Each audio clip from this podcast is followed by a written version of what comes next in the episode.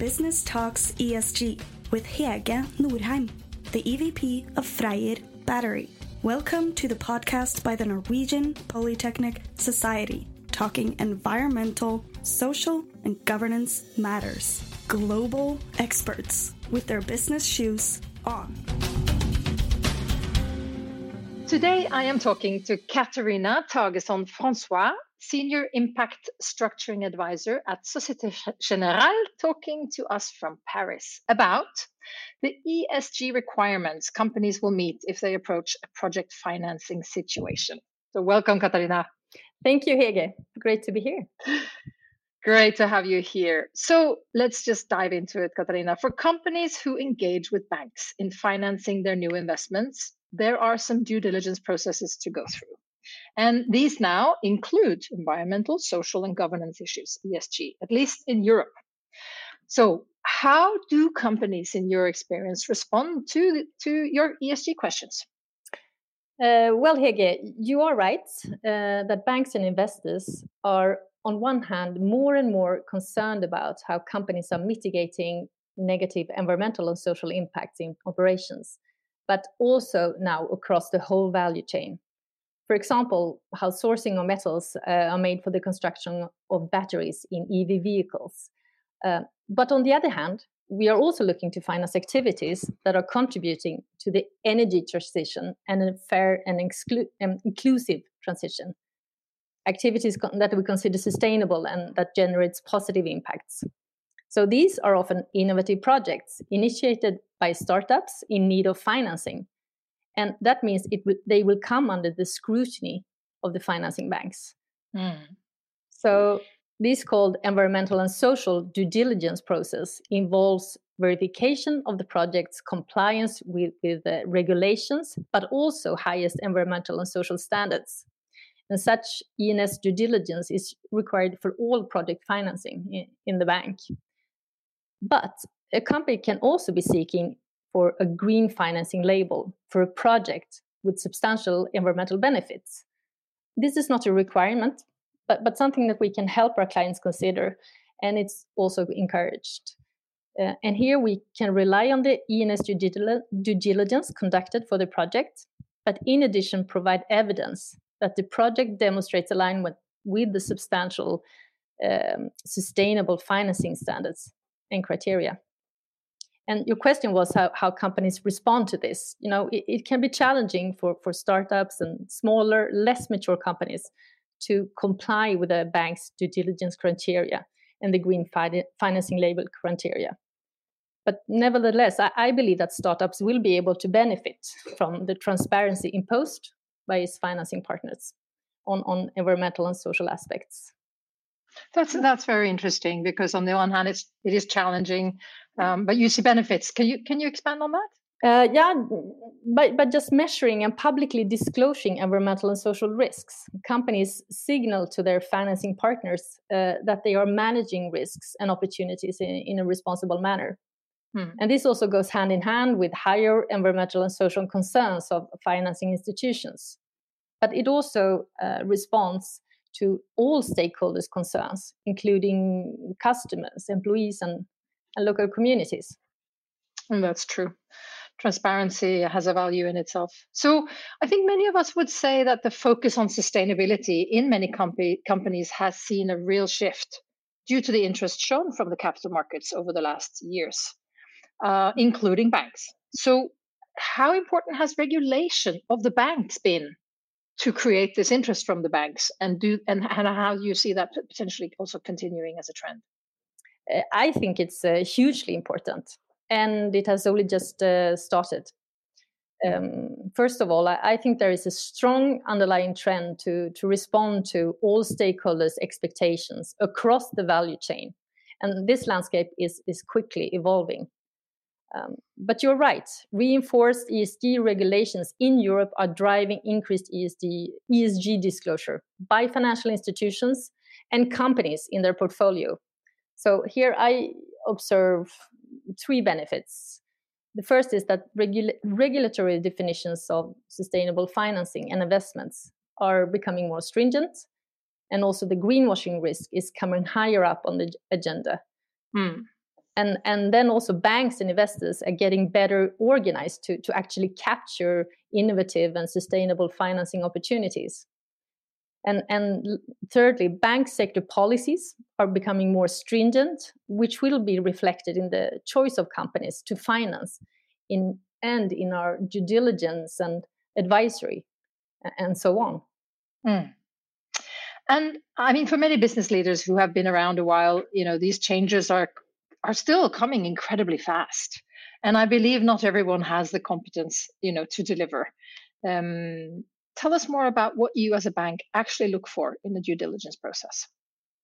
Well on the due diligence and, and what we call the environmental and social risk assessment side uh, banks have uh, normally dedicated specialist esg teams that verify that the project to be financed is in the respect of, of environmental laws but also aligning with, with the, highest environmental and social standards independently of geography, because environmental laws might not be stringent enough. So, endorsed by the leading banks, the Equator principles are commonly the, these ES, ENS standards referred to for, for project financing. And these are voluntary principles for the environmental and social risk assessment and management of projects. Equator principles. Can you can you just sort of illustrate what are the main principles that we should be aware of? Uh, sure. Um, so Societe Generale only finance projects that meets the 10 Equator principles. So these principles apply to new projects in all industry sectors. And obviously, obviously, some of these projects can have significant environmental and social impacts. Um, so the company applying for the loan should be committed to highest environmental and social standards and set up management systems and action plans accordingly. And the company also needs to ensure effective contact with stakeholders and, and actually recognize environmental and social concerns in response to the local communities and indigenous people. Uh, furthermore, no lending decision is taken without an independent review by an external expert consultant assessing the ENS risks and, and uh, actions put in place. And, and, just finally, the borrower also, the company also undertakes to report to, to banks uh, regularly during the, the course of the loan to ensure compliance with his commitments. I've actually been involved in conversations where, where that reporting requirement could, could come down to every quarter or even every month, but we'll see. I guess it depends on the project.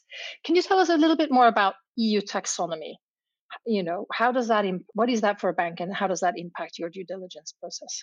Yes, here here then we are on the sustainable financing side, and and what we see here is a strong ESG trend in Europe to demonstrate that projects and activities financed are aligned with the so-called EU taxonomy. It's a classification system of sustainable activities contributing to the energy transition. So this is the so-called positive impacts of the financing. And it can be quite powerful for corporates seeking financing of innovative projects and for financial institutions who seeks to increase their share of green investments and, and lending. So we do encourage the reference to the EU taxonomy, but we are aware of that uh, it's uh, to to actually uh, demonstrate full alignment can be quite challenging initially. But we do think that over time and we do expect also that companies and projects aligned with the EU taxonomy will be attractive for, for banks like us. And i mean they should get, get better financing deals. So you guys are involved in you know really looking into the future and you you you give loans to projects that you know are out there for 20 years 30 years uh, how do you see this evolve? What is the end game? A sustainable world? What is going to be needed to, to get there to a sustainable world? Uh, well yes i would love to have the answer to that but i, I mean one one uh, key element uh, I believe is that uh, the developing of a circular economy will be essential to achieve our climate goals. Uh, and we do live, you know, in a linear economy today, and, and the mindset of consumer and companies will need to change. So this is definitely a key challenge, and it will require collaboration and partnership across the value chain and the development of innovative technologies and solutions, and eventually transformation and development of uh, alternative business models. Um, luckily, uh, you know, the EU Green Deal is addressing this with initiatives and regulations coming into force. But solutions will have to come from from private industries, and uh, also the financial industry will also in, have to innovate to finance new business models, uh, going from, for example, buying to renting, and financially support the development of a, a recycling ecosystem. Hmm yeah, circular economy clearly lies in the core of a sustainable world, of sustainable economy. And that makes me think of waste and scrap. And I think, you know, how do you get talented people, you know, enthusiastic about working with waste and scrap? I mean, I truly believe that uh, uh, circular economy models will be the business for the future, and uh, the value waste will need to become a, a key economical driver. So this sounds both attractive and sustainable to me as it includes two elements innovation and, and purpose. And this is also what our future talents would think who, who believes in such models. Uh, as I said before, I, I, think it's a question of my, uh, change of mindset, and people believing in it will, will go in that direction. And then, when, when business models are up and running, more people will be joining and we should do what we can to to accelerate this process thank you so much Catharina uh, I mean, seeing all these new innovative projects passing your desk and with a little money from your banks, you know, you make them come live. You must have a great job. Thank you for sharing with us how you see this evolving. This is Hege Norheim, who has just spoken to Catharina Tagesson Francois, Senior Impact Structuring Advisor at Societe Generale in France. Have a continuously great day, all of you out there listening to us. Thank you for listening to Business Talks ESG from the Norwegian Polytechnic Society. Business talks, and so do your actions. Make sure to subscribe to the podcast and follow us at Polyteknisk on all our platforms.